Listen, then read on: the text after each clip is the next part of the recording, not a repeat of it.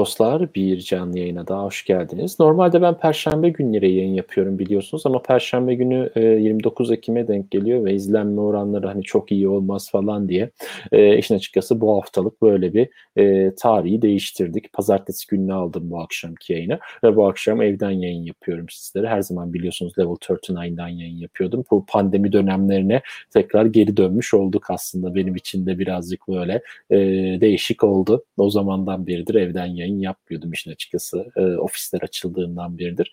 E, böyle biraz nostalji oldu bana da.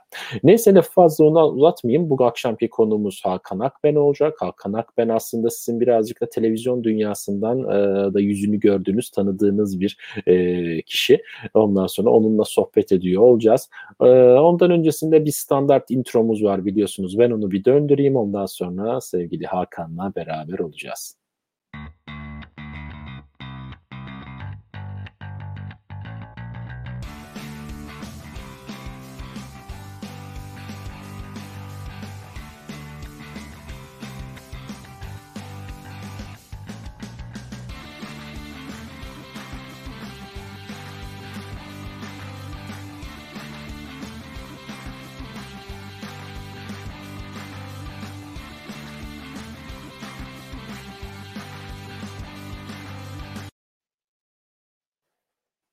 Evet sevgili dostlar. Şimdi Hakan'ı da yayınımıza alalım.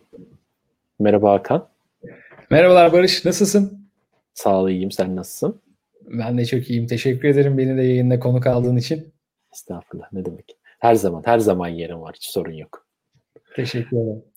Ee, şimdi istersen her zamanki bir klasik sorumuzda şöyle bir girişi yapalım. Hakan Akben kimdir? Bize kendini tanıtır mısın lütfen?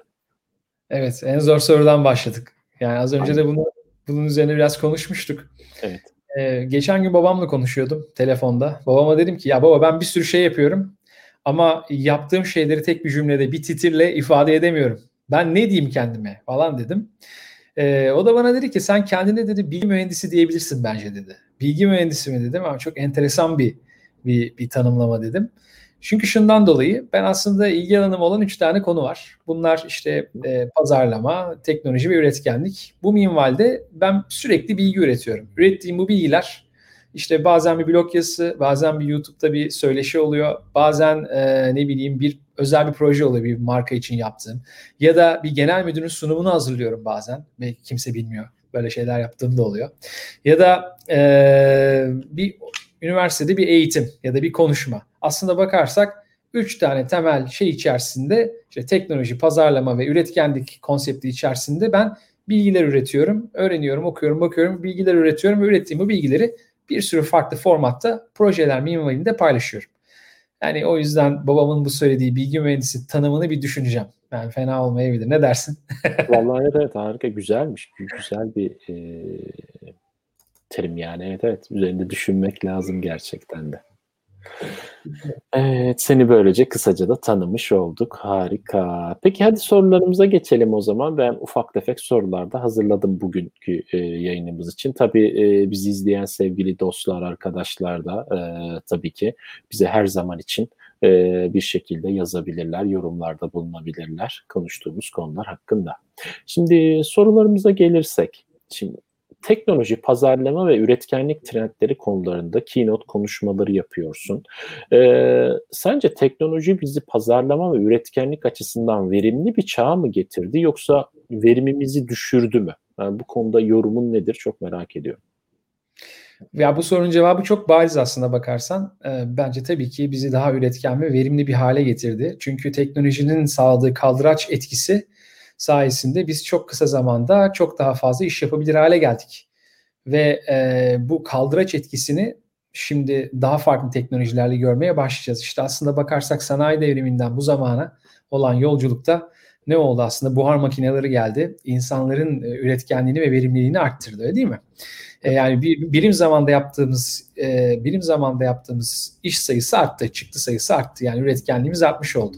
E, bunu yaparken kullandığımız kaynak sayısı da azaldı. Yani daha verimli bir hale geldik. E, şimdi daha sonra elektrik hayatımıza girdi. Elektrik de katma değerli bir şekilde bunu bize sağladı. Şimdi de yapay zeka çağındayız. Ve bence yapay zeka e, Kevin Kelly'nin söylediği gibi Wired dergisi kurucu editörü Kevin Kelly benim de kahramanlarımdan, idollerimden biri. Onun da söylediği üzere yapay zeka elektrik gibi bir şey. Her yerde biz göremiyoruz ama etkisini mislisiyle hissediyoruz. Dolayısıyla e, üretkenlik ve verimlilik noktasında teknolojinin kaldıraç etkisi getirdiğini düşünüyorum. Tabii ki şunu da söylemekte bence bir fayda görüyorum. Hayatımıza aldığımız her teknoloji bizi bir yerimizden de geri ısırıyor. Aslında Kevin Kelly de yine bunu da söylüyor.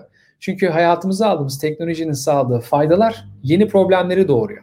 Ve teknoloji aslında hep bir problem bulma, problem çözme ve sonra o çözdüğüm problemin doğurduğu yeni problemleri çözerek devam ediyor. Yani bir merdivenin basamakları gibi sürekli bir problem buluyoruz, çözüyoruz. Sonra yeni bir problem doğuyor o çözdüğümüz yerden ve yenisi ortaya çıkıyor. Bu şekilde ne bileyim bir merdivenin basamakları gibi e, yukarı çıkıyor. Biz e, keşfettiğimiz her teknolojiyle aslında bir sonraki problemimizi de buluyoruz. Bu döngü içerisinde de yaşamımızın üretkenliği ve verimliliği artıyor diye düşünüyorum. Evet, evet. Mesela elektriği bulmasaydık bilgisayar ve yapay zeka gibi bir problemimiz olmayacaktı aslında. Yani Hı. yapay zekalar dünyayı yok eder mi? Yok işte sonra robotlar bize bir şeyler çıkartır mı? Savaşa girer miyiz falan gibi bir derdimiz olmayacaktı aslında. Evet her yeni gelen teknoloji farklı bir şey de doğuruyor kendi içinde. Evet. Yani şöyle bir durum var. Elektrik mesela elektrikle elektrikli testere kullanıyorsun. elektrikli testereyi 13. Cuma'daki Jason gibi kullanırsan insanları biçerek falan e, kötülük yapmış olursun. Ama burada kötü olan elektrikli testere midir? Aslında değildir. Dolayısıyla teknoloji ne iyi ne kötüdür diyorum ben burada. Önemli olan onu tutan eldir. Onu tutan elin bildiği ve niyet ettiği şey neyse kötü kötülük ya da iyilik de ondan doğar. Dolayısıyla yapay zekaya iyidir ya da kötüdür demek bence manasız. Ee, ama tabii ki o da bir silah olarak kullanılabilir mi? Kullanılıyor mu? Hiç şüphesiz kullanılıyor. aynen öyle, aynen öyle. Yani burada önemli olan e, neyi nasıl kullandığımız bence e, kesinlikle doğru bir noktaya parmak bastı. Kesinlikle. Peki o zaman birazcık daha sohbetimizi derinleştirelim. Bakalım senin yaptıklarından birazcık bahsedelim işin açıkçası. Yani müşteri odaklı büyüme pazarlama strateji danışmanlığı, dijital pazarlama sos ve sosyal medya ve tamamlayıcı pazarlama hizmetleri gibi alanlarda hizmetler veriyorsun. Müşteri ve pazarlama konusuna eğilmek istersek eğer artık dijital dünyada müşteri ne demek? Yani alışveriş alışkanlıklarımız nasıl değişti? E, müşteri kavramı nasıl değişti bu dijital dünya ile beraber? Biraz senin yorumlarını almak istiyorum bu konuda. En sevdiğim soru. en sevdiğim soru. Şimdi şöyle bir şey var. Aslında müşterinin tanımını yeniden değerlendirmek lazım. Yani benim de bir pazarlama ve iletişim geçmişim var ve bu süre zarfı içerisinde pazarlama nedir, ne işe yarar sürekli bir tanım yaptım ve tanımlarım sürekli gelişti. Şimdiki tanımıma baktığım zaman pazarlama ve müşteri benim için ne ifade ediyor? Şunu ifade ediyor. Müşteri bir insan olabilir. Ne bileyim o insan kategorisi içerisinde bir kadın olabilir, bir erkek olabilir, bir yaşlı olabilir, bir genç bir çocuk olabilir. Ee, her şey olabilir. Ya da müşteri sizin ona nasıl davranması gerektiğini bildiğiniz bir algoritma da olabilir. Dolayısıyla müşteri dediğimiz kavram aslında bakarsan bir davranış biçimi aslında. Müşteri ne bir insandır aslına bakarsanız ne bir e, bilgisayardır. Müşteri bir davranış biçimidir ve bu davranış biçimi öğretilebilir. Kişiden kişiye geçirilebilir. Örnek vermek gerekirse mesela benim annem kendisini teknoloji özürlü olarak e, ifade eder. Yani bir telefon alması, almak ya da bir bilgisayar alması gerektiğinde filan bilemez ne alacağını bilemez. Ama annemin eline bir tane checklist verdiğim zaman yani bir alışveriş e, algoritması verdiğim zaman bir checklist aslında o bir davranış biçimi. Anne bak telefonda önce büyük ekran olması lazım. Mümkünse işte 5.4 ve üstü inç. Tamam Birinci görüntü bu. İki. Telefonunun kamerasının işte en azından 14 megapiksel olması lazım. İkinci atman gereken check bu. Telefonunun içerisinde ne bileyim ekstra SD kart kullanabileceğin bir yuvasının olması lazım. Telefonun yanında bir e, ne bileyim garanti süresinin 2 yıl ve üstü olması gerekiyor gibi gibi gibi bir sürü şey e, verdiğim zaman bir checklist verdiğim zaman teknolojiden anlamadığım annem bir aslında bir alışkanlık sahibi, sahibi olmuş oluyor o checklistle beraber ve bir müşteriye dönüşmeye başlıyor. Yani potansiyel bir müşteriye dönüşüyor. O checklisti alıp bir çocuğa verdiğim zaman o alışkanlığı onda da uyandırabilirim. Ne demek istediğimi anlatabiliyorum değil mi? Yani genellikle pazarlamacılar ve insanlar hep şöyle bakıyor. İşte müşteri insandır, insan odaklı olmak. Evet tabii ki insan odaklı olmak gerekiyor. Ama insanların davranış biçimleri değişiyor. Mesela pandemide bunu çok iyi bir şekilde gördük. Ne bileyim lüks bir e, kafeteryada yemek yemek keyfi olan zaten yemediler. Lockdown oldu. Her şey kapandı falan ayrı ama başka bir örnek verebilirim. Ne bileyim e, kıyafetine çok önem veren bir insan ve sürekli kıyafet alışverişi yapan bir insan e, artık kıyafetini dışarıda giyemeyeceği ya da kendini e, bu şekilde ifade edemeyeceğini düşündüğü için parasını buraya harcamadı. Ya da ne bileyim ayakkabı almadı da üst aldı. E, video konferanslarda üstüyle beraber göründü. Ne demek istediğimi anlatabiliyor muyum? Davranış değişti. Biz bunu şeyde de görüyoruz aslında. BIST 100 ve e, Nasdaq ya da işte yurt dışındaki şeylere baktığınız zaman işte son bir yıldaki hisse senedi alım satım ve değerlerine baktığınız zaman ya Mayıs ayı Mart ayı itibariyle bütün şeyler bütün borsalar benzer bir şekilde bir eğri çizerek düştü. Ve tekrar benzer bir şekilde bir eğri yaparak yukarı çıktı. Bu ne demek? Müşteri dediğin kişilerin davranış biçimleri değişti. Ve bu pandeminin getirdiği küresel e, darbe diyelim tamam mı? Bu küresel darbe karşısında müşteriler benzer alışkanlıklar geliştirdi. Ne demek istediğimi anlatabiliyorum değil mi? Dolayısıyla bence müşteri çok önemli. Pazarlama müşteriyle başlayıp müşteriyle biter. Ama müşteri dediğimiz şeyin tanımı değişiyor. Müşteri bir davranış biçimi haline geldi diye özetleyebilirim. Evet, evet. Ee, çok güzel. Aslında o borsa konusunda da ilginç bir şey var. Mart ayı geldiği zaman Amerika'ya, Mar Mart ayından sonra aslında böyle Mayıs ayına doğru Amerika'ya sıçradığında ben dedim ki teknoloji, özellikle teknoloji olmak üzere birçok alanda düşüşler yaşanır. Amerikan hisselerinden uzak durmak gerek diye düşündüm. Ya ne düşündüysem tam tersi çıktı. Acayip bir derecede yükseldiler ettiler. Özellikle Amazon'un ondan sonra Alibaba'nın e, Twitter'ın ve bunun gibi. Çünkü insanlar evde kaldıkça sanıyorum bunların kullanım oranları arttı. Doğal olarak burada Amazon gibi firmalar satışlarını arttırdılar. Çok daha fazla ürün satır hale geldiler. E, diğerleri de daha fazla reklam gösterebilir ve daha fazla kar edebilir hale geldiler.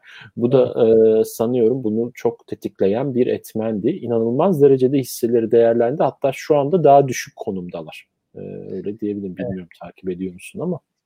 Yani evet benim gördüğüm şöyle bir gerçek var. Ee, ekonomiyi ikiye ayırırsak e, tangible ve intangible yani soyut işler ve somut işler ekonomisi diye ikiye ayırırsak Soyutu ve somutu da şöyle ifade edelim. Mesela Facebook'ta bir reklam veriyorsunuz. Facebook size bir hizmet sunuyor fakat sunduğu, sunduğu hizmet soyut bir hizmet. Yani dijital bir hizmet. Elle tutamıyorum. Ama etkisini hissedebiliyorum. Ee, bir de somut işler ekonomisi var. Bu daha çok hani e, temel seviyedeki işler gibi. Ne bileyim kargo, market vesaire, ekmek, fırın. Yani etkisini hissedebildiğim, dokunabildiğim, beş duyumla dokunabildiğim şeyler. Şimdi somut işler ekonomisi her zaman çok kıymetli. Çünkü bizim her zaman ekmek yememiz lazım. Ya da ne bileyim bir takım tüketim mallarına erişebiliyor olmamız gerekiyor. Şimdi burada bence pandemide şunu gördük. Somut işler ekonomisine hız kazandıran soyut işler ekonomisini yani soyut teknolojileri işte hız kazandıran soyut teknolojilerin geleceği olduğunu gördük. Mesela burada ne vardı? E, somut bir işler ekonomisi içerisinde market alışverişlerinin eve gelmesi mevzusu. Burada ciddi bir lojistik operasyon durumu söz konusu. Fakat lojistik benim gördüğüm bütün şirketler genel anlamıyla o kadar verimsiz ki hani bırakın dijitalleşmeyi, bırakın dijital iş yapmayı falan. Yani standart işleri belli bir playbook'a göre, belli bir sıralamaya göre, belli bir checkliste göre A, B, C, D diye yapıp bunun sürekliliğini sağlamakta bile zorluk çekiyor. Ama ne yaptı? Teknoloji burada devreye girdi işte lokasyon bazı hizmetler vesaire ondan sonra app'ler, müşterilerin kullanım ve talepleri ve istekleriyle beraber bu somut işler ekonomisinde yer alan bu sektör yani e, taşımacılık sektörü, lojistik sektörü dijitalin kanatları altında daha da yükseldi ve değer kazandı. Bugün baktığımız zaman Türkiye'de e, bu konuda ciddi bir ilerleme kaydedildiğini düşünüyorum. Hatta şöyle bir komedi de var. Geçen hafta yapay zeka haftasının sunuculuğunu yaptım 3 gün boyunca. Orada şunu söylüyordu konuştuğumuz bütün CTO'lar, CDO'lar artık bu C-level teknolojiyle ilgilenen insanlar. Yani biz yıllardır baskı yapıyoruz yönetime şuna buna dijitalleşelim, dijitalleşelim diye. Covid e, yani hiçbir CTO'nun, hiçbir CDO'nun yapamadığı dijitalleşmeyi e, çok hızlı bir şekilde ata geçirdi, hızlandırdı. Yani bu da aslında pandeminin bize kazandırdığı bir güzellik belki de diye düşünülebilir. Sen ne düşünüyorsun bu arada bu konuda? Aynen öyle. Ben zaten bundan önce yaptığım yayınlarda da çok hani dile getirdiğim bir konuydu bu. Ee, çok da şeyde de internette de dolaşır. Hani şirketinizin dijital dönüşümünü ne yaptı falan diye bir soru. Altında da CEO, CTO, Covid şeklinde böyle seçenekler var. O yüzden e, işte Covid işaretli falan şeklinde dolaşıyor. Gerçekten çok doğru yani bu. Ee, çünkü ben şunu da söylüyorum sürekli. Eğer bir firma e, da çalışanlar olarak eğer siz Zoom'la, Teams'le e, bunun gibi uygulamalarla eğer e, bu Covid sürecinde, pandemi sürecinde karşılaştıysanız, bunları hayatınıza bu süreçte soktuysanız e, geçmiş olsun o şirkete. Yani çünkü bunlar zaten vardı, bunlar oradaydı, duruyorlardı. Kullanmak isteyen alıp kullanıyordu. İşini buna göre ayarlıyordu. Çünkü genel olarak şöyle bir yargı var. Hani Türkiye özelinde konuşmak istemiyorum. Bu dünyada da böyle. Yani Türkiye deyip hani Türkiye değil yermek anlamında söylemek istemem. Dünyada da bu böyle.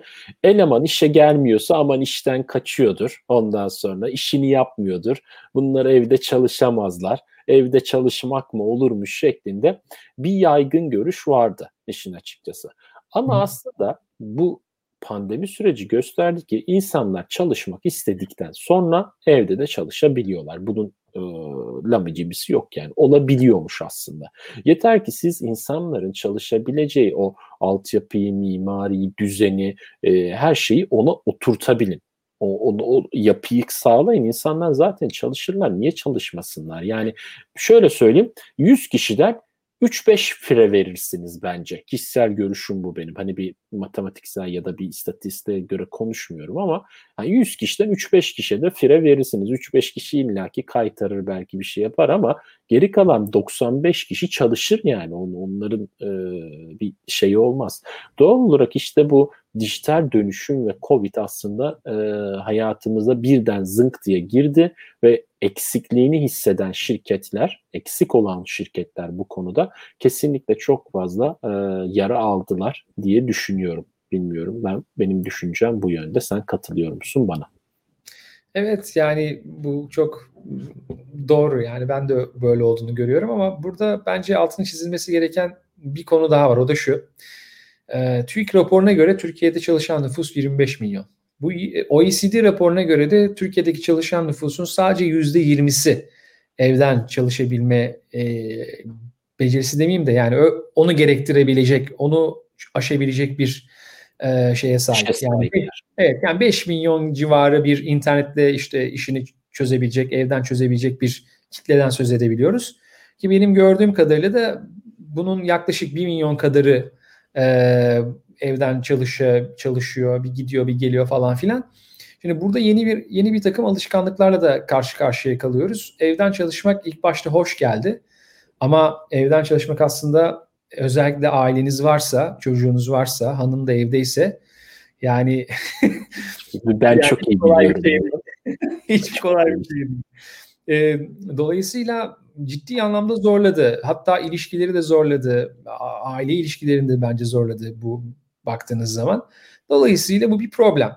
Ama e, şöyle bir şey ortaya çıktı bence. Yani insanlar evden değil de her yerden çalışmak istiyor bence.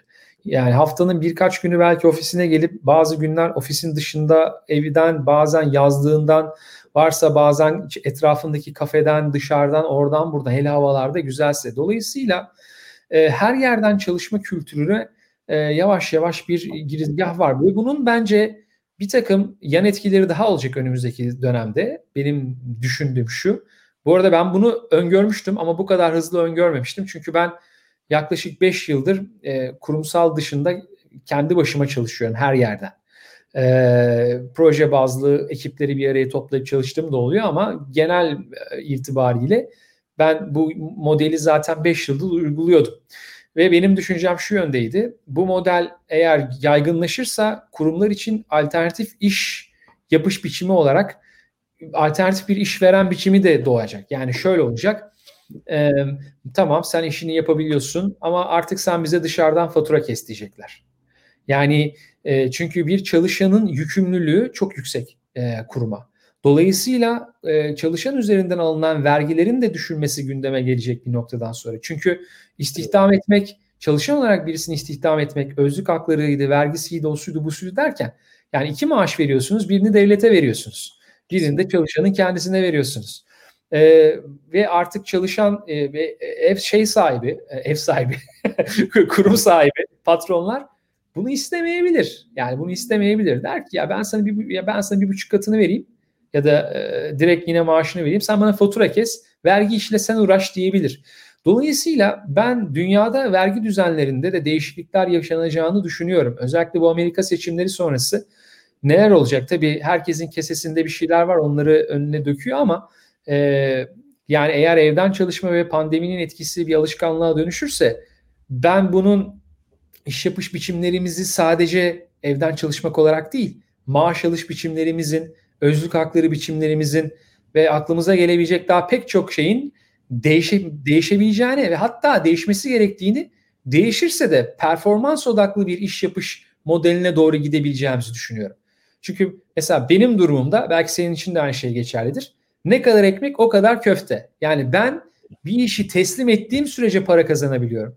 Kazandığım paranın vergisiydi, o suydu, bu suydu, fişiydi, muhasebesiydi onu da ben tutuyorum.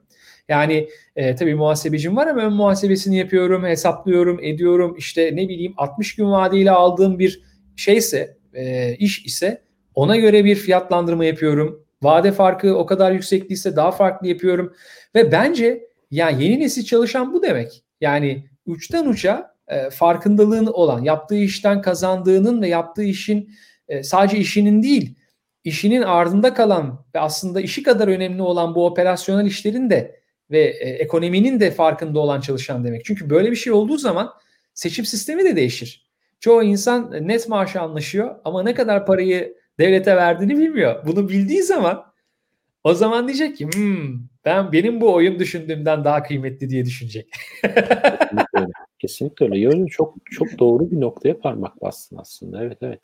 Yani ee, bu zaten uzun süredir de uyguladığımız bir yöntem de ama şey olmadı. Bu da aslında contractor yöntemi diyor ve İngiltere'de evet. falan böyle Amerika'da çok zamandır uygulanan yöntemler bunlar ki Ankara Anlaşması'yla buraya gelen birçok e, arkadaşımız da İngiltere'ye gelen kişiler de zaten contractor oluyorlar özellikle bilgisayar sektöründeyseler e, işleri buna uygunsa.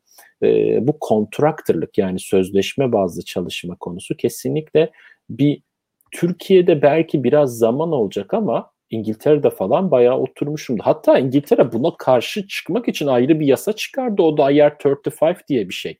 Bilmiyorum duydun mu hiç bunu? Haberin var mı IR35'dan? Yok ben e, Türkiye'den hiçbir zaman gitmeyi düşünmediğim için gündemime gelmedi. evet. IR35 şöyle bir şey. Belli bir sayının üzerinde çalışanı olan e, firmalar eğer e, kendilerine eleman almak yerine kontraktör olarak çalıştırıyorlarsa elemanları e, bu sefer elemanlar da çalışan kişiler de kendi şirketleri var ya tabii ki onlar da bir takım masraflarını gider olarak gösterdikleri için e, normalde devletin alacağı vergi düşüyor. Bak şimdi olayın noktasına bak. Devlet diyor ki ben yeteri kadar vergi alamıyorum diyor. Çünkü evet. sen bu adamı kontraktör çalıştırdığında onun da kendi bir şirketi var. O da laptopunu şey yapıyor, arabasının benzinini koyuyor. Evet. Normalde bunlar koy, koyulamayacak şeyler. O zaman dolaylı vergi yapıyor devlette. Evet. Aldığı laptopa benzini arabaya vergi koyuyor. Direkt vergi almıyor. evet. Ama yani ne yapıyor? Her zaman, her zaman bir çıkış noktası var. Yani ben şunu düşünüyorum. Hiçbir zaman mutlak iyi ya da mutlak kötü diye bir şey yok Barış. Yani Baktığın zaman e, devlet istediği zaman her zaman bir açık kapı bu yaratabilir, bulabilir. Çünkü kanun yapıcı aynı zamanda ve kanun uygulayıcı. Ve aynı zamanda da e, yani işte evet kanun uygulayıcı. Yani yasama, yürütme, yargı. Dolayısıyla e, yani ama bu süreçler üzerinde kafası çalışan insanlar, girişimciler biraz yaptığı işin buzdağının görünmeyen kısımlarını bilenler. Yani mesela bilgisayar mühendisisin, freelance çalışıyorsun mesela. Adamın işinin sadece gelirini sadece bilgisayar mühendisliği bölümünden kazandığını zannediyorsun. Hayır, bir de onun buzdan alt tarafı var. Vergilendirme meselesi var. Yap, yatırım yapma meselesi var. Yani bugün zengin olan insanlar ya da belli varlığı olan insanlar gelirlerini çalışarak kazanıyor kazandılar. Fakat çalıştıklarıyla kazandıkları parayı da bir şeylere yatırdılar. Ya işe yatırdılar ya hisse senedine ya, ya bonoya ya fona ya bir şeylere ve bunları takip ettiler ve burada bunu da mesailerinin bir parçası olarak gördüler. Zaten hani gerçekten özgürleşmek istiyorsa bizi izleyen arkadaşlar benim inancım o doğrultuda hem işinizin ehli olacaksınız hem de e, birazcık finans, biraz muhasebe ve e, vergilendirme işleriyle ilgili bilgi sahibi olacaksınız ki ben kimseye tabii ki vergi kaçırın anlamında söylemiyorum ama ya siz bir yere vergi, devlete alacağınız vergi, vereceğiniz vergiyle belki işinizi büyütebilirsiniz. Belki yeni bir eleman istihdam edebilir, yeni bir projeye başlayabilirsiniz. Ya da belli imkanlar var, o imkanlardan faydalanabilirsiniz. Bunun için tabii ki çok okumak, çok bakmak da yeterli değil. Doğru insanlarla arkadaşlıklar yapmak, doğru iyi bir muhasebeci, iyi bir avukat bulmak e, ve, e, ve gündelik sohbetlerin içerisine de bunları yedirebilmek bence çok kıymetli. Yani şöyle söyleyeyim, bizim yakın benim yakın arkadaşlarım var. Biz bunların bazılarıyla biz vergi konuşuyoruz. Yani ben vergici değilim, muhasebeci değilim, finansçı değilim ama vergi konuşuyoruz. Bir, bir takım arkadaşlarım var. E, finans konuşuyoruz, ekonominin şey konuşuyoruz. Yani fonları konuşuyoruz, başka şeyleri konuşuyoruz. Yani kimisi avukat, kimisi yine benim gibi pazarlamacı. Dolayısıyla gündelik rutinin içerisinde bunları e, yedirmek, buralarda uyanık olmak gerektiğini düşünüyorum. Kesinlikle öyle, kesinlikle öyle. Yani tek yönlü olamıyor. Zaten işin ilginç tarafı o.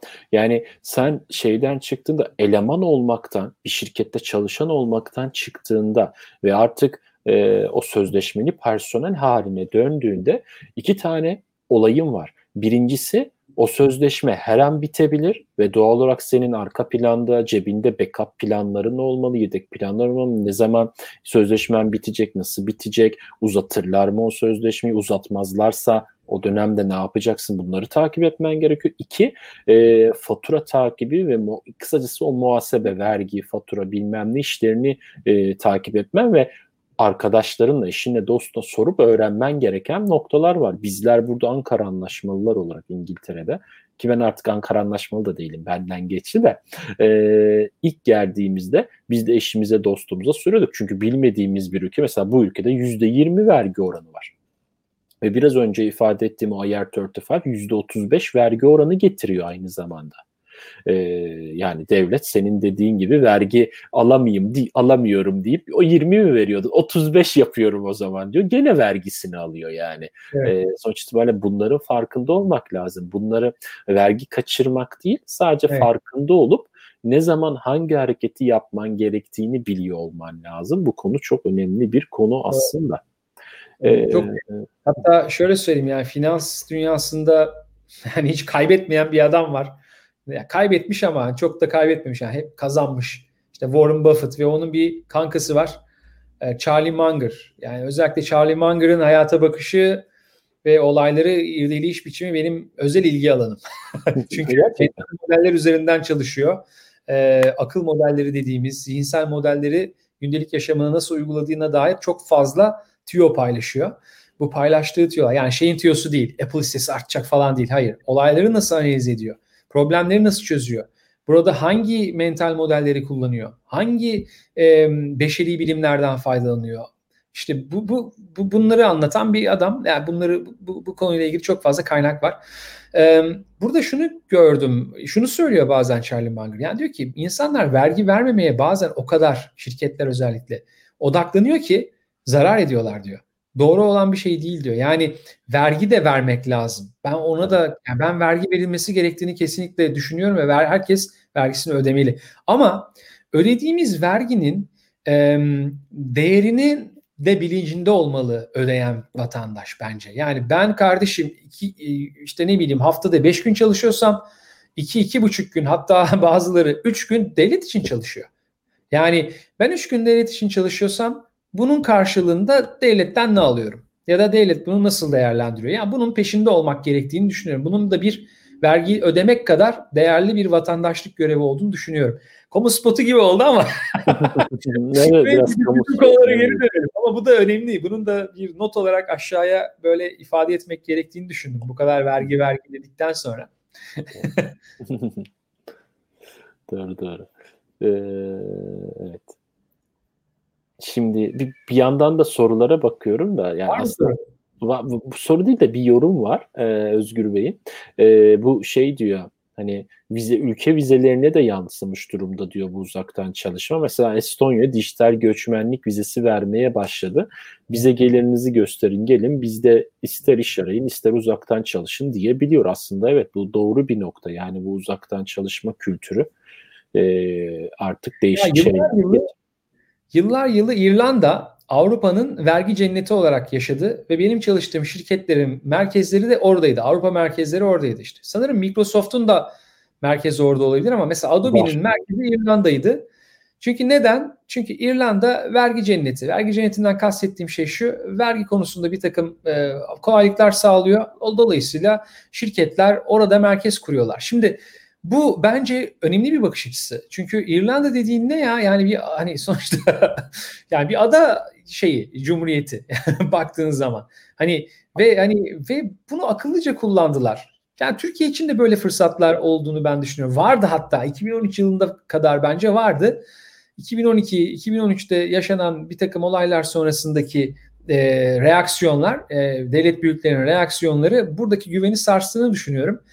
Bu yine benim vatandaş olarak bir düşüncem ama evet öte yandan dijital göçebelik tarafında Estonya'nın sağladığı vatandaşlık da e, bunu da ben çok araştırdım bu arada yani e, hatta bununla ilgili bir muhabbetimiz çok olmuştu bir arkadaşla. Yani o da göstermelik bir şey bu arada. Yani sana oturum izni vermiyor. PayPal hesabı açamıyorsun mesela. PayPal hesabı açmak istediğin zaman o dijital vatandaşlık göçebe kimliğinle hı hı. E, PayPal diyor ki bu diyor gerçek bir vatandaşlık kimliği değil. Bana gerçek bir adres göstermen, gerçek bir banka hesabı göstermen gerekiyor diyor. Dolayısıyla e, o da bir çözüm olmayabiliyor. Ama ben mesela şeye çok karşıyım. Yani bugün PayPal e, dünyada bireysel ticaretin, bireysel girişimciliğin önünü açan en önemli finansal kurum. Yani bunun lamicimi yok. Hiçbir geleneksel banka, hiçbir dijital banka bu kadar e, e, şey değil e, ne derler onun adını bu kadar liberal bir bakış açısıyla bu kadar e, dağıtık bir yapıda bu kadar iyi bir şekilde bu işi yönetmiyor. Yönetmiyor oraya da talip değil çünkü zor bir iş.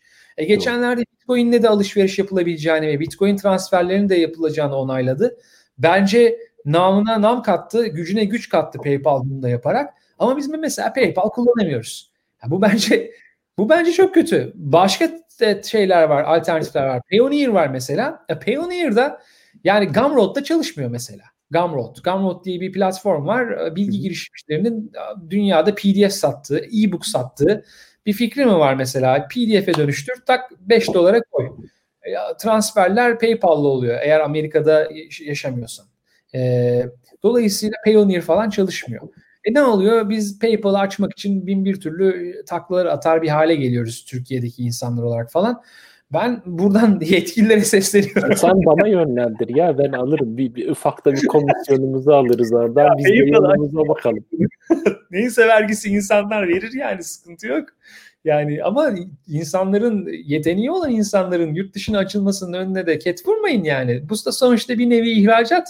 Bunun da gelirinin vergisi alınabilir, stopajı alınır, o olur, bu olur.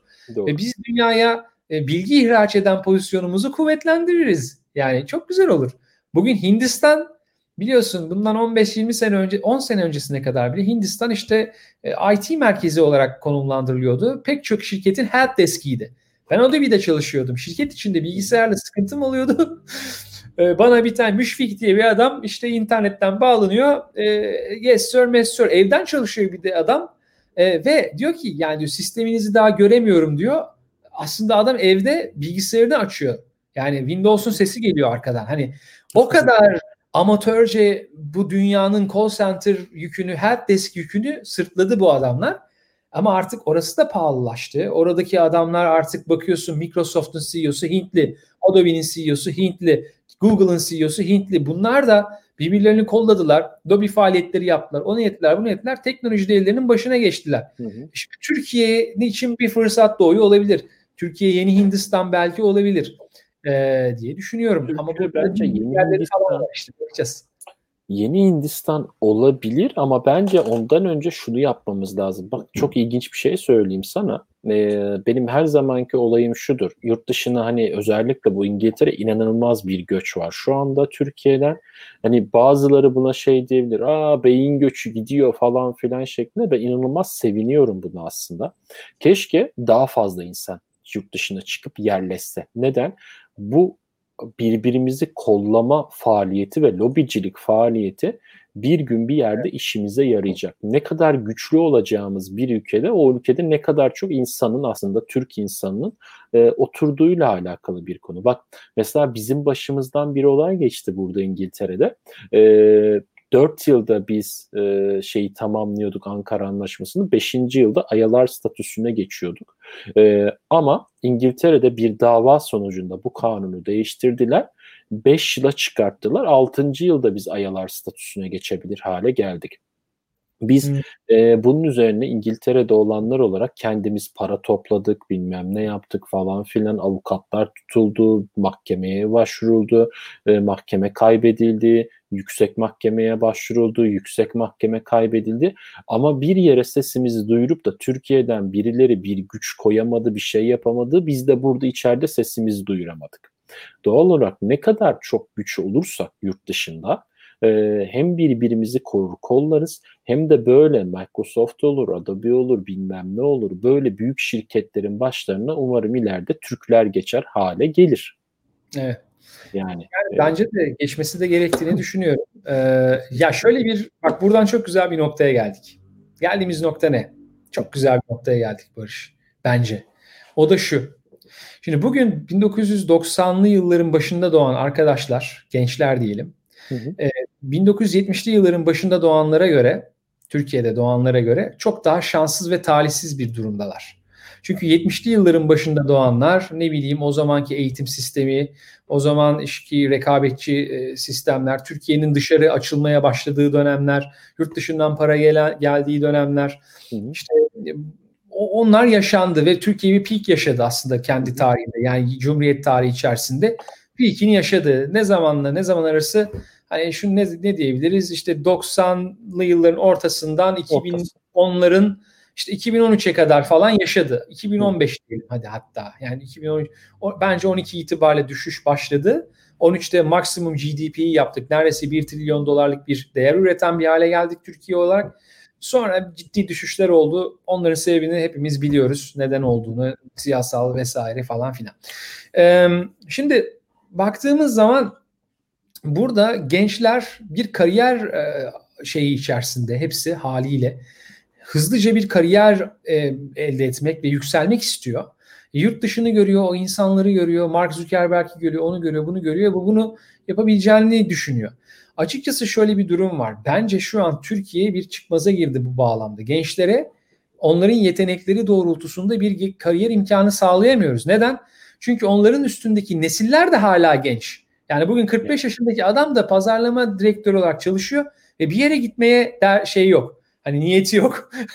Çünkü onun yani e, o da genç, o da genç. O da genç sonuçta ve o taş mı yesin yani o adamda? Yani onun da çocuğu var, onun da hayalleri var ve ömür uzadı. Şimdi ömür 77 yılı uzadığı zaman 45 yaşındaki adam daha genç abi. Yani bu adam nereden baksan 20 sene daha çalışabilir. Ee, ondan sonra da işte e, yaşlılığını, emekliliğini yaşar. Ama o 20 sene daha çalıştığı zaman 1990 doğumlu olan 30 yaşındaki Ali, Fatma, Ayşe, Mehmet 20 sene sonra 50 yaşında olacak.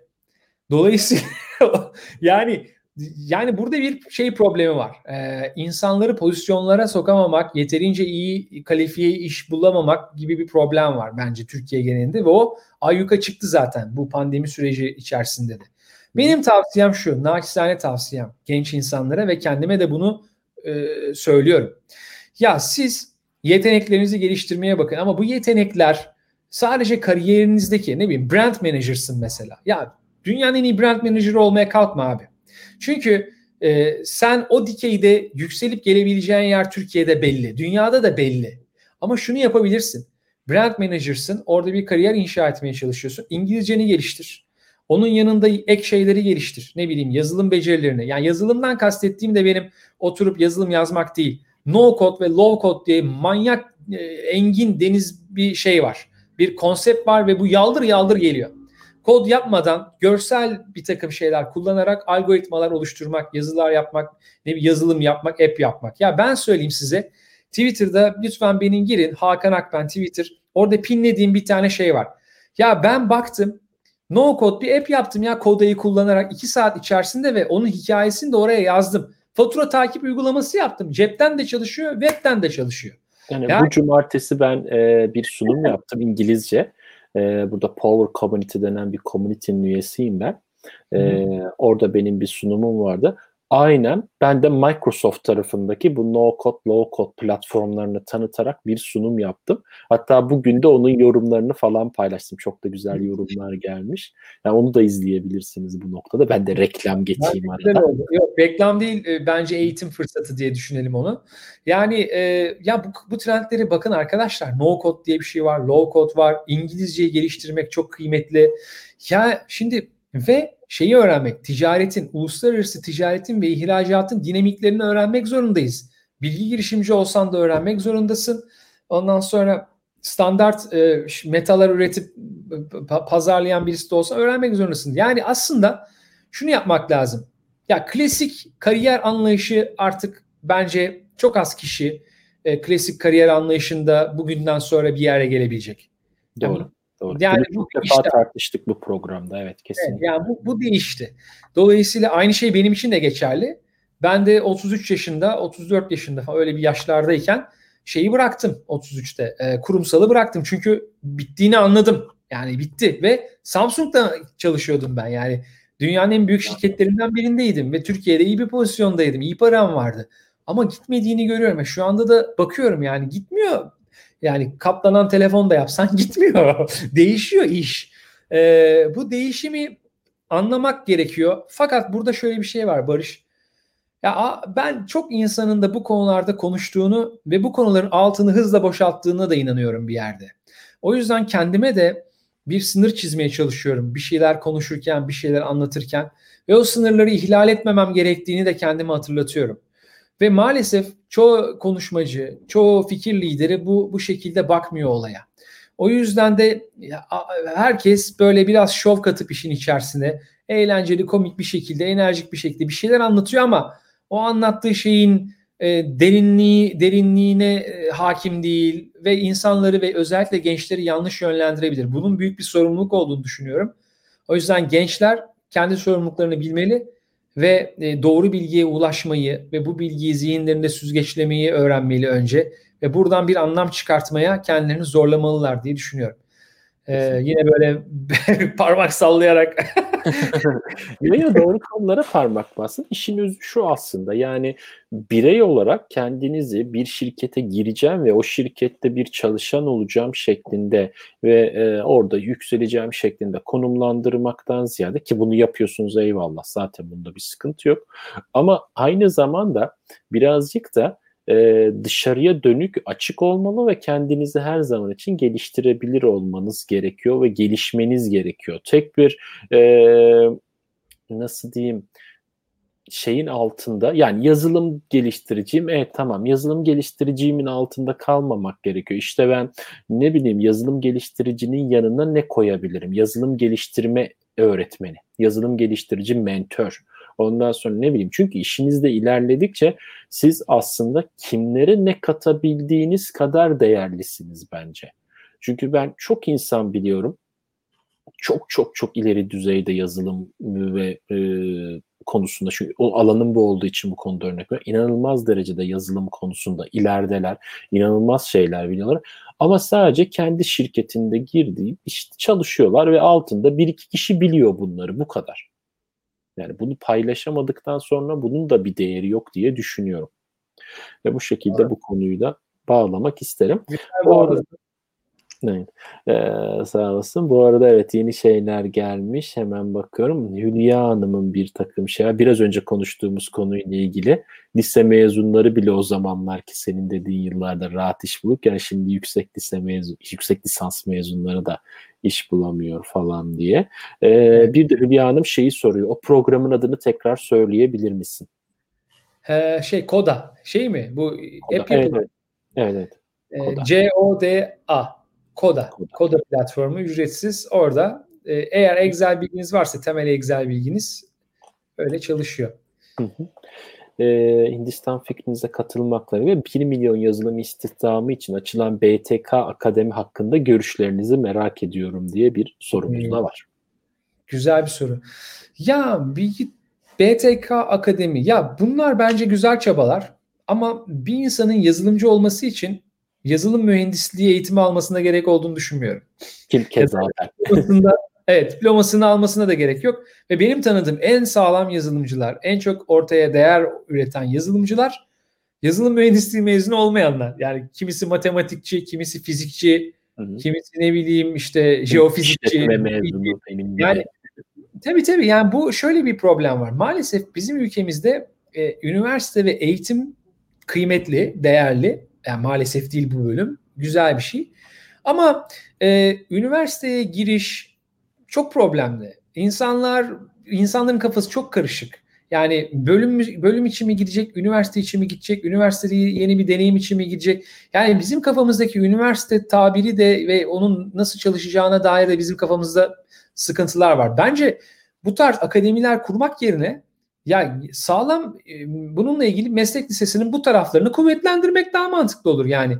Ya bilgisayar bilimleriyle ilgili meslek lisesinde bölümler var. Bu bölümleri kuvvetlendirelim. Yazılımcı açını buradan kapatalım. Ya üniversiteye mezun olmaya da gerek yok. Yani ben hatta kendim için bile şunu söyleyebilirim. Ben mühendislik okudum İTÜ'de ama yani şunu söyleyeyim size. Bütün gönül rahatlığımla şunu söyleyebilirim. Ben o mühendislik eğitimini almasaydım da bugünkü ben ben olurdum. Onu çok net söyleyeyim size. Çünkü e, bu, bu başka bir şey. Yani sürekli öğrenmek, sürekli işte ya o bana kapı açmadım. Açmıştır. Ne bileyim CV ile girdiğim işlerimde bana o diploma işime yaramıştır. Ama e, sonrasında hiç işime yaramadı yani. Hiçbir yerde hatta yazmıyorum bile. Hani yani artık o, o tarafta değilim.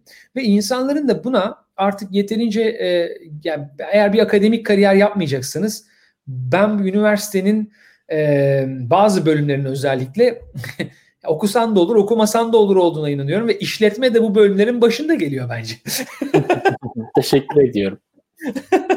sen, sen işletme misin yoksa? Evet işletme. Ya, kusura bakma seni kastetmemiştim. İşletme e, MBA falan da yaptım bir de. ismi bile yanlış bence. Yani işletme değil de girişimcilik olması lazım bence. Doğru onun. aslında kesinlikle öyle. Yani ya, çok işletme ne abi? Yani onun adı girişimcilik e, üniversitesi olsun, girişimcilik bölümü olsa çok daha mantıklı. Kesinlikle. Yani Kesinlikle öyle, kesinlikle öyle. Girişimcilik çok daha doğru ve oturan bir isim bence kesinlikle evet, ona da. Kesinlikle. Evet evet. Ee, proje yöneticiliği, Agile, Scrum yöneticiliği gibi bölümlerde olabilir aslında. Evet bunlar da mantıklı doğru. Evet. Güzel. Ee, evet. Yani sorularımızla devam edelim istiyorum artık. Birazcık böyle dağıldık da e, konunun bayağı bir şeyine de çıktık. Şöyle bir bakayım. Aslında senin bir iki yazından derlediğin bir iki bir şeyler vardı. Bak onları Hı. sorsam güzel olur. Ee, bak buldum. Büyük veri siyaseti yendi diye bir blog yazım var. Orada hmm. diyorsun ki büyük veri ve psikometri biliminin birleşmesiyle pazarlamacının silah setine eşi benzeri görülmemiş kuvvette bir bomba eklenmiş oldu. Bunu biraz açıklayabilir miyiz? Ne demek bu? Ya bu ne demek? E, aslında güzel olan şey şu. Ben bu yazıyı ne zaman yazmışım? 2017'de yazmışım. 3 sene olmuş ve geçerliliğini hala koruyor. Ee, Netflix varsa Netflix'te yeni bir belgesel var. Great Hack diye. Belki izlemişlerdir arkadaşlarımız. Orada Amerikan seçimlerinde bu bu değil de bir önceki yani Trump'ın ilk seçildiği Amerikan e, seçimlerinde büyük veri nasıl kullanıldı, e, burada insanlar nasıl manipüle edildiği ile ilgili çok detaylı araştırmalar ve sonuçları var. Ben de oradan derlenerek bir şey yazmıştım ama o zaman Great Hack diye bir belgesel yoktu. Bu konuyla ilgili e, Michael Kosinski diye bir veri bilimci, Stanford'da bir hocanın, veri bilimci de değil o, psiko psikometri bilimi galiba psikometri bilimi uzmanı nın işte söyleşilerinden, röportajlarından falan yola çıkarak ben de böyle bir yazı yazmıştım. Temel mantık şu aslında bakarsan. Yine baştaki müşteri bakış açısına geliyor. Müşteri bir da- davranış biçimidir demiştim. Yani hatırlarsanız hani ilk başta onu söylemiştim. Ve müşteri dediğin şey yeri geldi mi de seçmen oluyor. Seçmen de bir çeşit müşteri. Ve seçmenin de davranış biçimini hacklemek mümkün. Zaten hackleniyor. Bu hacklenme dediğim mesele sadece teknolojiyi kullanarak da yapılmıyor. Şöyle oluyor. Yani bir kişinin derdinden konuşmaya başladığın zaman o kişinin ilgisini çekmeye başlıyorsun. O kişinin sana karşı bir e, sempati duymasını sağlayabiliyorsun. En basitinden hani baktığımız zaman iletişimde zaten böyle bir durum söz konusu. E bir de elinde veri varsa kişinin ilgi alanları ile ilgili, kişinin ondan sonra yaşama bakışları ile ilgili. E o zaman onunla sohbet ederken, onunla ilgili cümleler kurarken onu manipüle etme şansın da olabilir. Aslında yapılan şey bu oldu. Psikometri biliminde büyük beşli diye bir kavram var. Yani büyük beşli. Ona ocean deniyor. Yani beş tane e, karakterden bahsediyor aslında. Yani bir insanı oluşturan beş temel karakter vardır diyor. İşte openness, işte açık olmak falan. Büyük beş. Ben şuradan bakayım hangisiydi hatırlayayım. Çok uzun zaman oldu mesela işte ne kadar açıksınız, ne kadar mükemmelliyetçisiniz, dışa dönük mü, içe dönük müsünüz, e, ne kadar düşünceli ve işbirliğine açıksınız veya da kolay üzülür müsünüz, çok mu hızlı tepki verirsiniz diye beş tane şey var. Bu ocean dediği şey de her birinin İngilizcesinin baş harfleri gibi düşünelim. Ee, insanların Facebook'taki ya da sosyal medyadaki ayak izlerine bakarak bu beşlinin e, yüzdelik dilim içerisindeki yerlerini görüyorsunuz karakter analizi yaparken. Ve bunu büyük kitlelerde uyguladıkları zaman da o zaman o seçmenlere yönelik hareket ediyorsunuz. Mesela bunu şey yaptı, e, Trump yaptı. Mesela Haiti depremiyle ilgili e, Facebook dark postlar çıkıp onlara reklam verdi. Orada farklı bir demografiyi şey yaptı. Dedi ki yani biz Haiti'ye destek veriyoruz falan. Ama televizyona çıkıp söyle, söylemlerinde biz niye destek veriyoruz bizim bizi ilgilendirmez falan deyip kendi tabanına da oynadı. yani baktığımız zaman. Dolayısıyla büyük veri siyaseti nasıl yeniyor? Şöyle yeniyor. Ya siyaset dediğin kurum belli bir kural seti var. Ve o kural setini büyük verinin ve teknolojinin nimetlerini kullanarak bir silah gibi kullanıp siyasetteki fair play varsa eğer öyle bir şey bunu yenmiş oluyorsun, yok etmiş oluyorsun. Dolayısıyla kimin verisi daha büyük, kimin algoritması daha fazlaysa o kazanır. Bir de şöyle bir gerçek var. Sen şimdi bana göre daha teknik birisi olduğun için şunu bilirsin.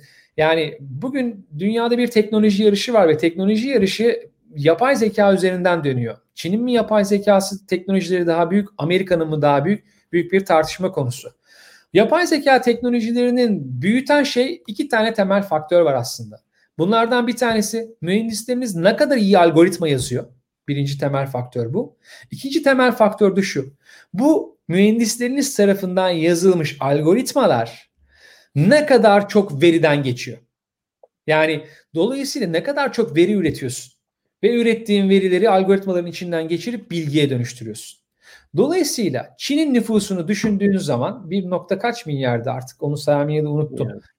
Amerika'nın nüfusu 330 milyon onu biliyorum. Ee, yani baktığın zaman Çin daha fazla veri üretiyor.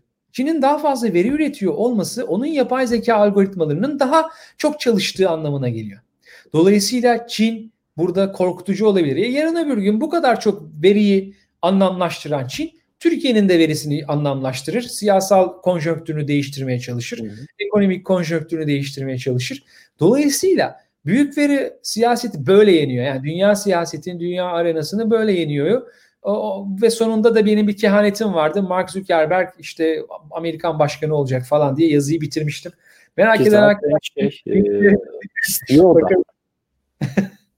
İstiyordu Amerikan başkanı olmayı o da zaten.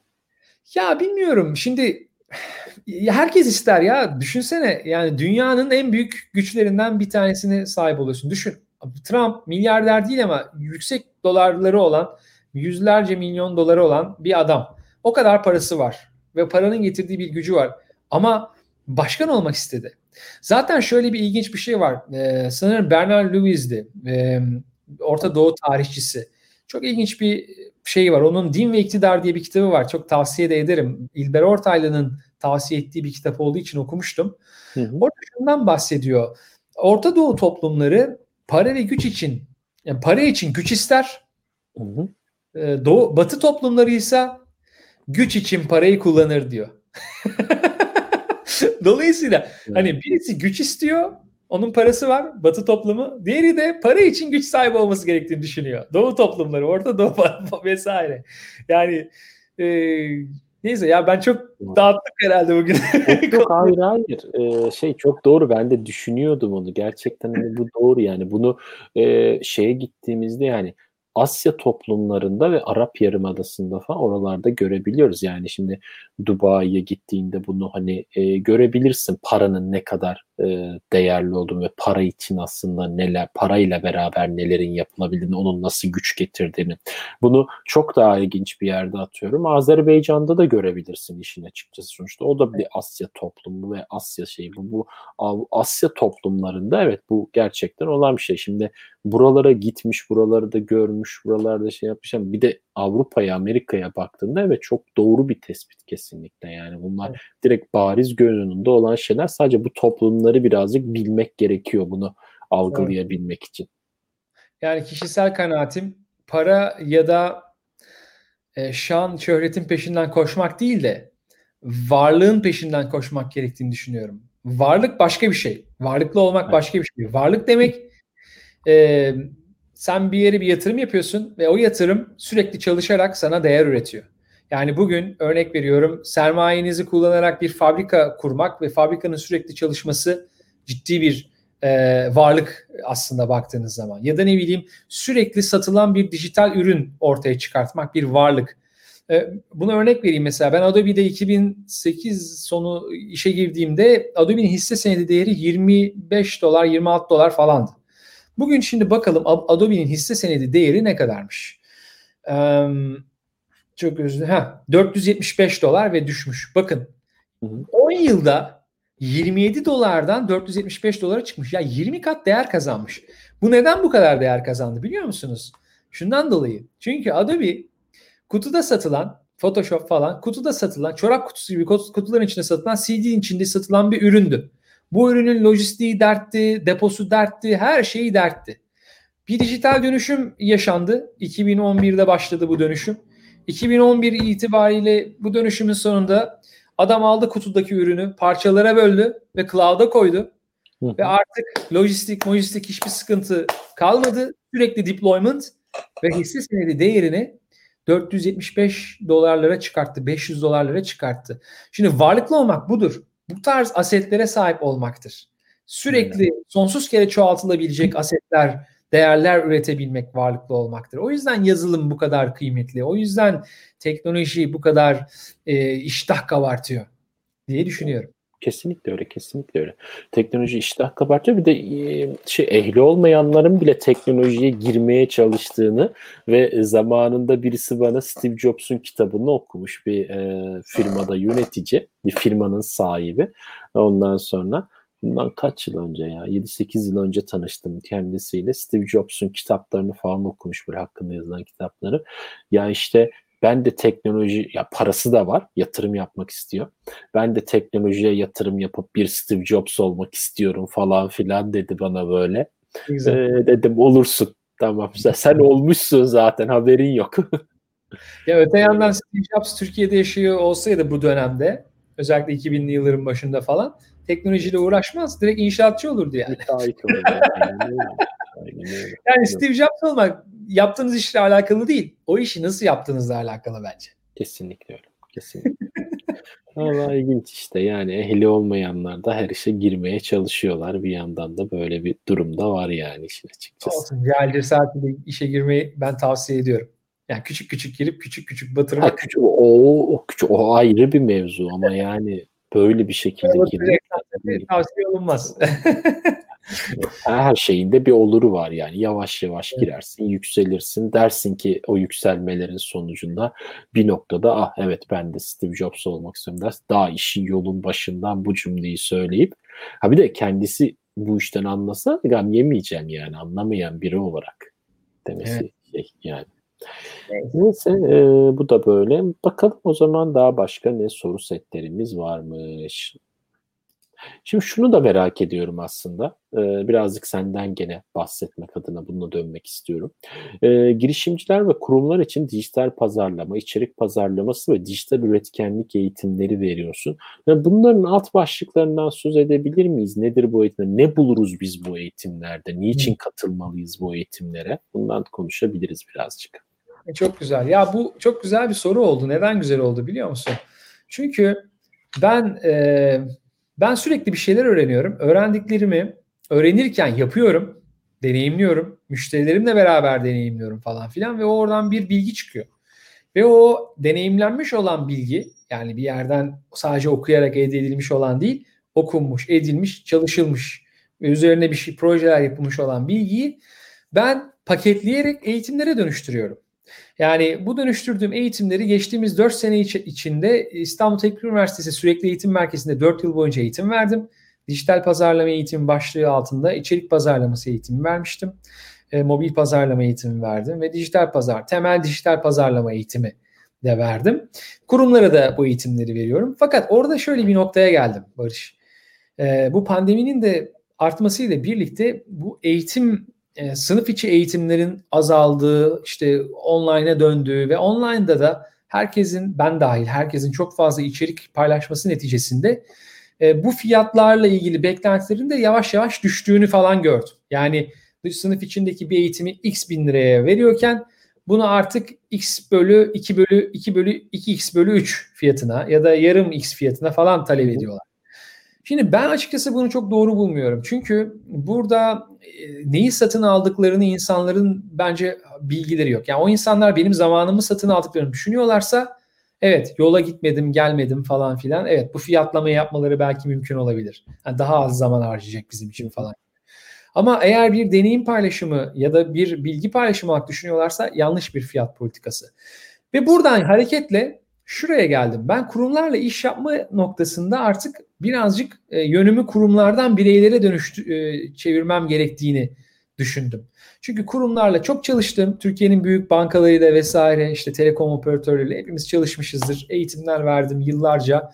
Ve artık ben kurumlara eğitim vermek işinden birazcık soğudum.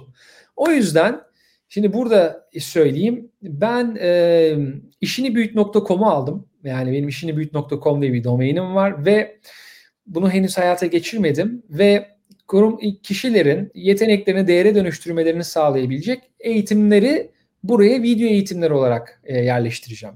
İlk eğitimim de şu olacak. Dijitalde not tutma ve e, dijitalde üretkenlik adına bir eğitim. Burada e, not tutma ben sıkı bir Evernote kullanıcısıyım ve burada yıllardan beri 2008'den beri geliştirdiğim bir hani bilgi mimarisi nasıl oluşturulur? Bireysel bilgi mimarisi, veri gelir, nerede işlenir, nasıl arşivlenir ve nasıl anlamlandırılır, nasıl bağlamlar oluşturulur ve bu bilgiler yeri geldi mi, ihtiyaç oldu mu bir sunuma nasıl dönüştürülür, bir eğitime nasıl dönüştürülür, bir danışmanlığa nasıl dönüştürülür, bir projeye nasıl dönüştürülür? Bunu anlattığım bir eğitimle dijital eğitim serime başlıyor olacağım. E, yetiştirebilirsem inşallah Kasım ortası gibi bir böyle bir eğitimim olacak. Ondan sonra bir de şey eğitimi. E, freelance çalışan çok insan var. Ben de uzun zamandan beri freelance çalışıyorum. Freelance e, çalışmak isteyen kişilere yönelik kendi deneyimlerimden harmanladığım e, freelance iş kurma ve freelance iş yapma eğitimi gibi bir eğitimim var. O var. Onun haricinde de standart her zaman yaptığım işte stratejik pazarlama nedir? Dijital pazarlama nedir? İhracatı nasıl yaparsın falan gibi. Ama eğitim konusunu da bu genel teorik başlıklardan daha e, daha e, nasıl ifade edeyim daha basit, daha sıkıştırılmış ve daha faydaya yönelik eğitimlere dönüştürmeye çalışıyorum. Yani mesela şöyle söyleyeyim. Ya 7 adımda LinkedIn'den satış yapmak mesela atıyorum tamam mı? 5 adımda ya da 12 adımda Instagram'dan satış eğitimi. Böyle adım adım e, aşama aşama bir şeyin nasıl yapıldığını anlatmak bence insanların daha çok ihtiyacı olan bir şey. Yani 12 adımda hmm, ben şu an 6. adımdayım 6 adımım daha var diyor mesela eğitimi dinlerken. Çünkü gördüğüm kadarıyla insanlar online eğitimleri alıyorlar büyük bir zevkle sonunda bir ödül yoksa sertifika vesaire bir şey yarım bırakıyor çoğu insan eğitimleri. Ee, bilmiyorum sorunun cevabı oldu mu ama e, burada Kesinlikle. buraya doğru bir eğitim şeyim var, bir eğitim müfredatım var. Bu tarz eğitimler olacak. Geçmişte verdiğim eğitimlerin biraz daha e, online'a uygun uyarlanmış versiyonları şeklinde düşünüyorum. Evet evet harika. Ben de zaten bu pandemi süreciyle birlikte e, İngiltere'deyken, İngiltere'de burada oturduğum yerden e, birçok yere, Türkiye'de olsun, başka yok başka ülkelerde olsun birçok yere eğitimler verdim bu odanın içerisinden. Ondan sonra gerçekten çok şey yani e, etkili oluyor bizler için. Kesinlikle etkili bir yöntem. Peki sana bir soru daha sormak isterim. Hadi bu da son sorumuz olsun yavaş yavaş programı sonlandırmadan önce. Ondan önce de bir şey e, gördüm. Özgür Bey paylaşmıştı. Ha, şunu aslında sor, arada söylemek istiyorum sorudan önce. Çok güzel bir noktaya değinmiş bence. E, Mark'ın başkan olmasına gerek yok bence diyor. Algı yönetim başkanı zaten kimin ne istediğini analiz edebiliyor. Başkanı bile başkandan daha iyi tanımakla olmuyor. Toplumun ne istediğini çok çok iyi biliyor gibi bir yorum var. Kesinlikle katılıyorum yani. Başkan olmasına bile ihtiyacı yok. Başkandan daha çok şeyi biliyor aslında. Evet ama işte ben de kesinlikle buna katılıyorum. Ama burada şöyle bir şey var. Günün sonunda e, tarihe adını yazdırmak, bir Amerikan başkanı olarak yazdırmak istemek e, çok temel bir insani dürtü. Bu kadarını söyleyeyim. O işin ayrı boyut tabii. Türkiye'nin Cumhurbaşkanı olmak istemez ki. Şu dönemde ben istemem. O ayrı da. Ama bir gün, hani e, bir gün bir gün iste iste yani bir gönlümüzün bir tarafında hani her Türkiye Cumhuriyeti vatandaşı bir gün Cumhurbaşkanı olma hayali ya da çocuğunun öyle bir şey olmasını ister herhalde ama ya o yüzden Mark da bunu isteyebilir. Yani Amerikan başkanı olmayı falan filan diye düşünüyorum. Ama tabii ki yüzde yüz katılıyorum bu arada Özgür Bey'in söylediklerine. Ee, bir de bakalım şimdi şu soruları birazcık daha aldık burası. Ha şunu sormak isterim. Yani bir sürü firmaya danışmanlık biri olarak sana sormak istedim. Dijital karnemiz sence nasıl? Yani projeler baştan savma mı yapılıyor? Ciddi mi ilerliyor? Sen bu noktada ne görüyorsun? Ya ben dünyada zaten e, ciddi bir zarar ziyan durumu olduğunu düşünüyorum. Yani şöyle söyleyeyim ben bir dönem Fujitsu için e, içerik projesi yapıyordum. Yani iki buçuk yılda 110 tane dijital dönüşümle ilgili makale yazdım. Hala da var internette ts.fujitsu neydi? tr-news.fujitsu.com galiba adresi. Yazarsanız Fujitsu Türkiye blog diye çıkar. Yani yüzden fazla makale yazdım. Ve bu makaleleri yazabilmek için de çok araştırma yaptım. Yani özellikle bazı anahtar sektörler vardı. Kamu, eğitim, finans, e, tarım. Yani buralarda dijitalleşme nasıl oluyor? Telekomünikasyon yine bu başı çeken sektörler. Ve baktığımda gördüğümde şu oldu. Dünya zaten dijitalleşme noktasında o da ne yaptığını yani evet bir takım kurumlar bir şeyler yapıyor ama herkes çok iyi bir şey yapıyor demek bence çok makul değil. Çünkü şunu görüyorum ben. Bence bu karnede önemli olan şey şu zihin yapısını bence notlandırmak gerekiyor. Ve dijital dönüşümde sahip olunması gereken zihin yapısının da küçük küçük hızla deneyip hızla yanılıp tekrar iterasyon yapıp bir daha denemek, bir daha denemek, bir daha denemek olduğunu düşünüyorum. Hatta doğru bir şey yakaladığımız zaman bile bu değişik şeyleri denemekten vazgeçmemek gerektiğine inanıyorum. Dolayısıyla yani karneyi şöyle değerlendirirsek Türk insanı kurumsal çalışanlar tarafında dijitalleşmeyi bu bağlamda ne kadar hakim, ne kadar anlıyor, nasıl gidiyor diye düşünürsek ben burada güzel işler yapıldığına iknayım. Güzel işler yapıldığını düşünüyorum. Türkiye'nin dijitalleşme karnesiyle ilgili de hatta Digitopya'nın çok güzel bir araştırması var. Digitopya e, Digital Maturity Index yapmış Türkiye'deki bir takım yüksek şirketlerle şey yapıp hatta söyleyeyim hemen ne olduğunu. Türkiye'nin dijital hatta Digital Age dergisinde e, karnesi e, bir dakika hızlı rica edeceğim. Digital Age'de kaç puan verilmiş? Heh, Türkiye'nin dijital karne notu, notu evet. Hemen bakıyorum kaç çıkmış. Burada söylenene göre sen ona bakarken ben şey söyleyebilirim. Türkiye bankacılık sektöründe özellikle dünyadaki birçok ülkeden çok ileri konumda. Özellikle Avrupa'dan. Yani bunu yurt dışında yaşayanlar çok iyi bilirler. 5 üzerinden 2.7. Yani 2.7 nedir? 5 üzerinden ortanın biraz altı. yani 2 geçer not, 3 orta, 4 iyi ya. Yani geçerli orta arası bir yerdeyiz yani. Ee, kötü müyüz? Değiliz ama e, gidecek tabii ki hala yer var ama ben bunun tamamen şeyle ilgili olduğunu düşünüyorum. Yani çalışan zihin yapısını değiştirmek gerektiğini, eğitim yani bu eğitimsizliğimize rağmen, eğitimde yaşadığımız bu kadar probleme rağmen bence oldukça iyi. Ee, ama ben umutluyum.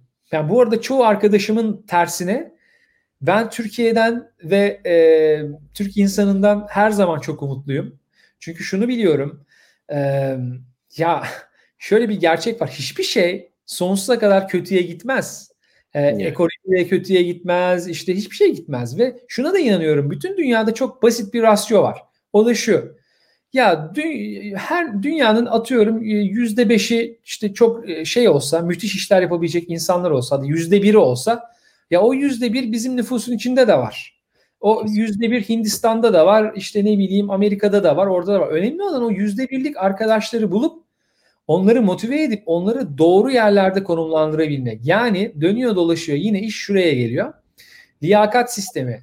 Yani işi ehline vermek. Ehil değilse bile istekli olana vermek. İsteyecek, gönülden isteyecek, çalışacak, öğrenecek, ehil olacak, işi o yapacak ve e, bu titir mekanizmasının da değişmesi gerektiğini düşünüyorum. Onu da bence kısaca konuşalım. Yani ben yurt dışındaki şirketlerle yani işte Adobe'de, Samsung'da falan çalıştığımda şunu gördüm. Ya bir bilgisayar mühendisi ama işinde iyi ve deneyimli bir bilgisayar mühendisi onu yöneten yöneticiden daha fazla maaş alabiliyordu. Şimdi burada Türkiye'de şöyle bir şey var sanki kariyerde maaşını arttırmak için yönetici olmamız gerektiğine dair bir saçma bir kariyer yolculuğu var. Ya yönetici olmak gerek zorunda değiliz ya. Yani yöneticilik bu arada iyi bir şey de değil. Yöneticilik dediğin, yönetici dediğin adam e, işin ehlilerini bulur, ehillere bir proje verir ve onun yönetilmesini, onun yapılmasını sağlar ve o projeyi yapan mühendislerin ihtiyaçları varsa o ihtiyaçlarını karşılamakla sorumludur yönetici. Engelleri varsa engelleri kaldırmakla sorumludur. Motivasyonu düşükse motivasyonunu şey yapar. Bilgisayarı bozuksa ona iyi bilgisayar aldırtır. Bilmem ne. Ya yönetici dediğin adam bu yani. Lider bambaşka bir şey. Ve bizim yöneticilere değil. Ya bizim işi yapacak insanlara ihtiyacımız var. Liderlikle ilgili şunu söyleyeyim çok kısa. Yönetici demek lider demek değil. Liderlik demek bence bir söz verip o sözün e, o sözü sonuna kadar tut, tutmak demek bence liderlik demek. Yani ben kardeşim sana bu projeyi yapacağım. Proaktif olarak sana geldim. Senin böyle bir şeye ihtiyacın var. Sana önderlik ediyorum. Siz bu projeyi yapmalısınız. Söz veriyorum şu kadar zamanda şu kadar bütçe ben bu işi yapacağım. Ne pahasına olursa olsun. Ya benim liderlik anlayışım budur.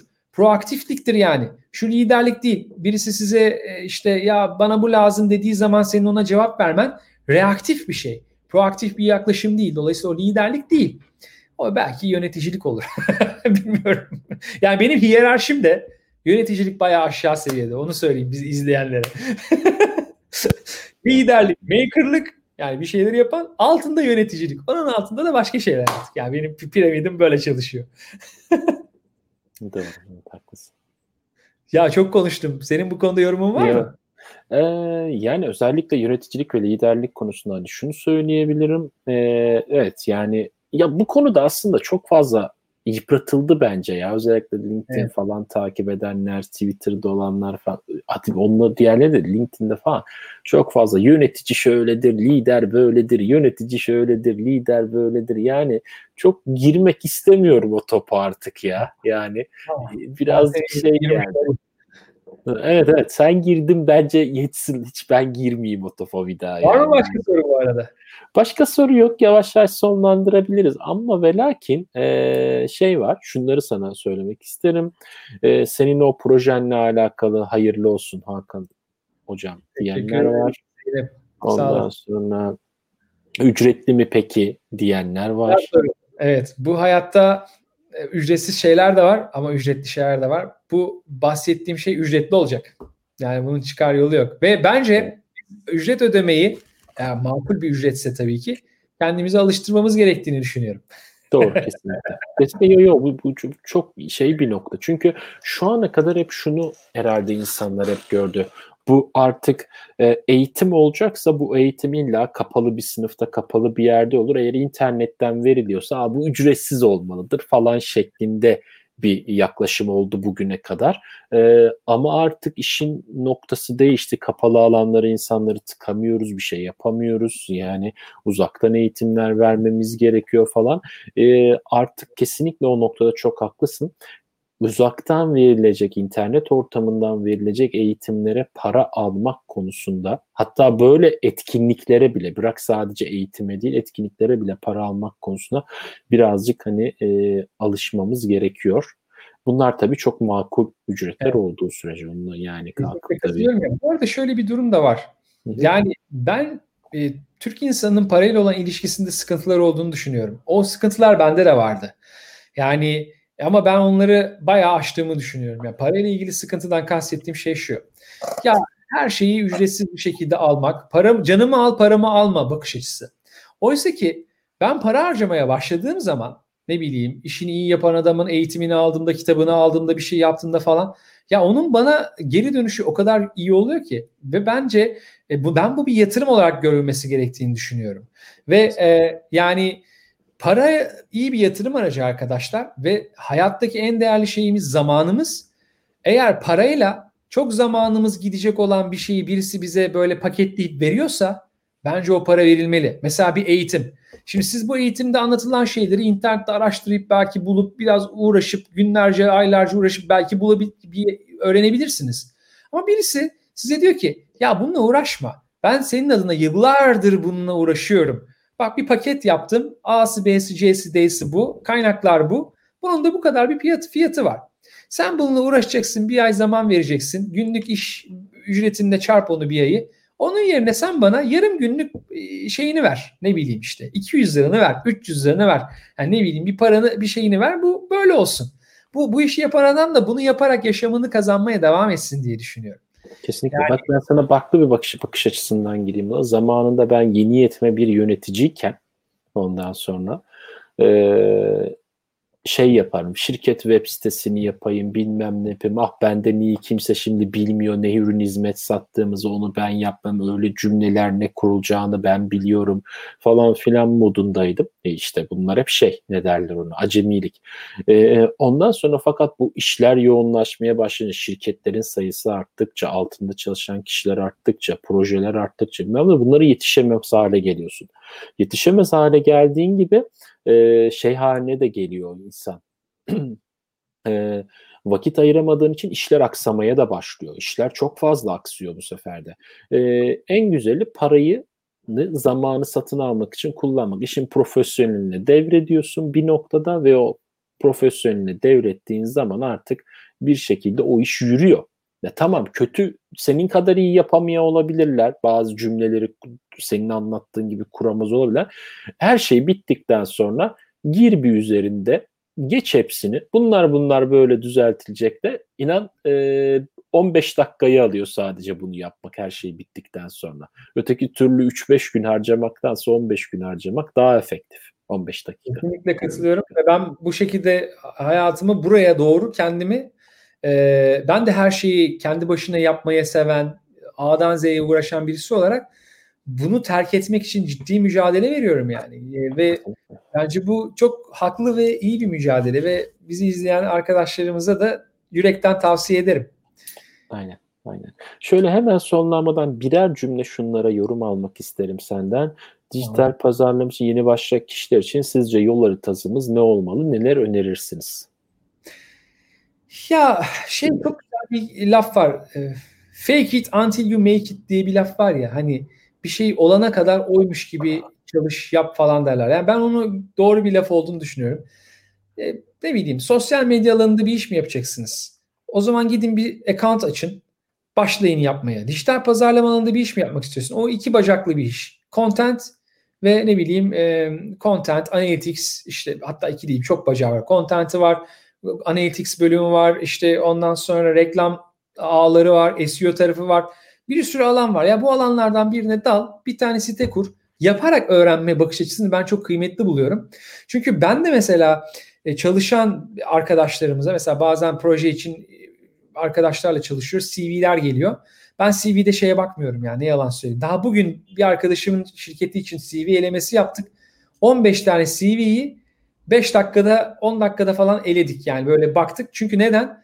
Yani bitirdiğimiz okul mokul falan bunlar evet sizin hakkınızda bir fikir bilgi veriyor ama ben bir dijital pazarlamacı işi alacaksam dijital pazarlama projesi görmek istiyorum. Bir web sitesi görmek istiyorum. Ne bileyim e, ve şey değil böyle sunum değil sunumda değil işleyen bir şeyi görmek istiyorum. Dolayısıyla işleyen şeyler yapmanızı öneririm. Çünkü ben de mesela no code'la yazılım yazarken yaparak öğrenmeye çalışıyorum mesela. Hala öğrenmeye çalışıyorum. İşte yapay zeka TensorFlow diye bir şey var. Arada giriyorum, bakıyorum. Bunda neler yapılabilir filan. Yaparak öğrenmeye çalışıyorum. Bu elimizi kirletmenizi öneririm özetle tek cümlede. Ya tek cümleyi indiremedim. Kusura bakma lütfen. Önemli değil, önemli değil. Yaparak öğrenelim. Yaparak öğrenelim diye tek cümlede indirmiş olduk. Evet, evet. süper. Ee, bir de senin şey aslında bahsettim bundan. Ee, Instagram reklam için bir ritim hazırlayacaktınız. Ne zaman çıkar falan filan evet. diye. Şimdi e, evet Yılmaz Ali çok güzel yakalamış. E, böyle bir şey hazırlamayı düşünüyorum. E, ve bununla ilgili bir yoklama yaptım. Ve ama e, 24 saat bedava olsa nasıl olur diye sordum. Bedava olur mu olmaz mı demedim daha. Güzel takip edin bakalım. Olursa e, çıkacak. Yani bunu herhalde aralığa falan anca çıkar diye düşünüyorum arkadaşlar. Tamam. Çünkü önce şu notlarla ilgili olan eğitimi hazırlamak istiyorum açıkçası. O çünkü çok daha beni heyecanlandırıyor. Yani. Evet. evet. Selam olsun buradan da Yılmaz'a. Ee, bir de son niye bizim dijital bir bankamız yok? Bankacılığımız çok iyi olmasına rağmen. E banka korumak kolay değil. Hele Türkiye'de banka kurmak hiç kolay değil. Yani evet. bunlar öyle şaka konular değil maalesef. E, yurt dışında birazcık daha rahat bu tarz e, şeylerde ilerlemek. Türkiye'de öyle değil. Yani bu nedenden bence birazcık bunun e, şeyle alakalı var. Hem e, hukuksal boyutu var hem de siyasi boyutu da var bankacı olmanın, banka kurmanın Türkiye'de. Bu birazcık bununla alakalı yoksa. E, yani benim düşüncem şu, Türk insanın parayla olan ilişkisiyle de çok alakalı. Ya biz gerçekten şöyleyiz ya. Canımı al, paramı alma. Şimdi bu mantıkta olduğun zaman sen banka açman, bilmem ne etmen falan, parayı koy, bir şeye para yatırmak falan filan ciddi problem. Ciddi yani. şey teşkil ediyor. Yani temelde bunun bir problem olduğunu düşünüyorum. Öte yandan ben hem para kullanıyorum. Hani reklam değil bu ama e, yani ve hizmetlerini başarılı buluyorum. E, gönül ister ki daha fazla bankamatikleri olsun. Para çekmek daha kolay olsun. Onlarda da öyle sıkıntılar var. Ama bir dijital bankacılık ama gerçek anlamda bir dijital bankacılık yani bu ihracat yapabileceğin falan PayPal tarzı falan Türkiye'den çıkması çok zor. Bu bu bu bu siyasal konjonktürde çok zor yani. Zor. O ayrı bir konu. ha, tamamdır o zaman diyelim. Bence hiç iyi şey yapmayalım bu noktada. Ee, istiyorsan yavaş yavaş sonlandıralım artık ha. Tamam çok teşekkür ederim. Çok keyifli bir söyleşi oldu. Seni tanımış çok, böylelikle. Çok sağ olasın. Ben de çok teşekkür ederim katıldığın için, bugünün konuğu olduğun. Ee, tekrar görüşmek üzere arkadaşlar. Yarın akşam benim bir yayınım daha var. Normalde salı günleri olan yayınım o, gene olacak. Yarın akşamki yayının da reklamını yapayım e, hali hazırda. Yarın akşamki yayınımız da birazcık Ankara Anlaşması'nı da içinde barındıran bir konu. Storytelling ile Ankara Anlaşması ile alakalı iki konuyu birleştireceğiz. Çok ilginç bir konu. Bir isim geliyor aklıma ama. Storytelling. Söylemeyeyim sürpriz olsun. Ya merak ettim söyle söyle. Niye ya? Niye niye niye şey yapıyorsun? Tanıdığım bir bir arkadaşımdır belki merak ettim. Ee, o zaman şöyle şey yapayım. Eda. Heh, Eda tamam onu da tanıyorum. Tanıyorsun.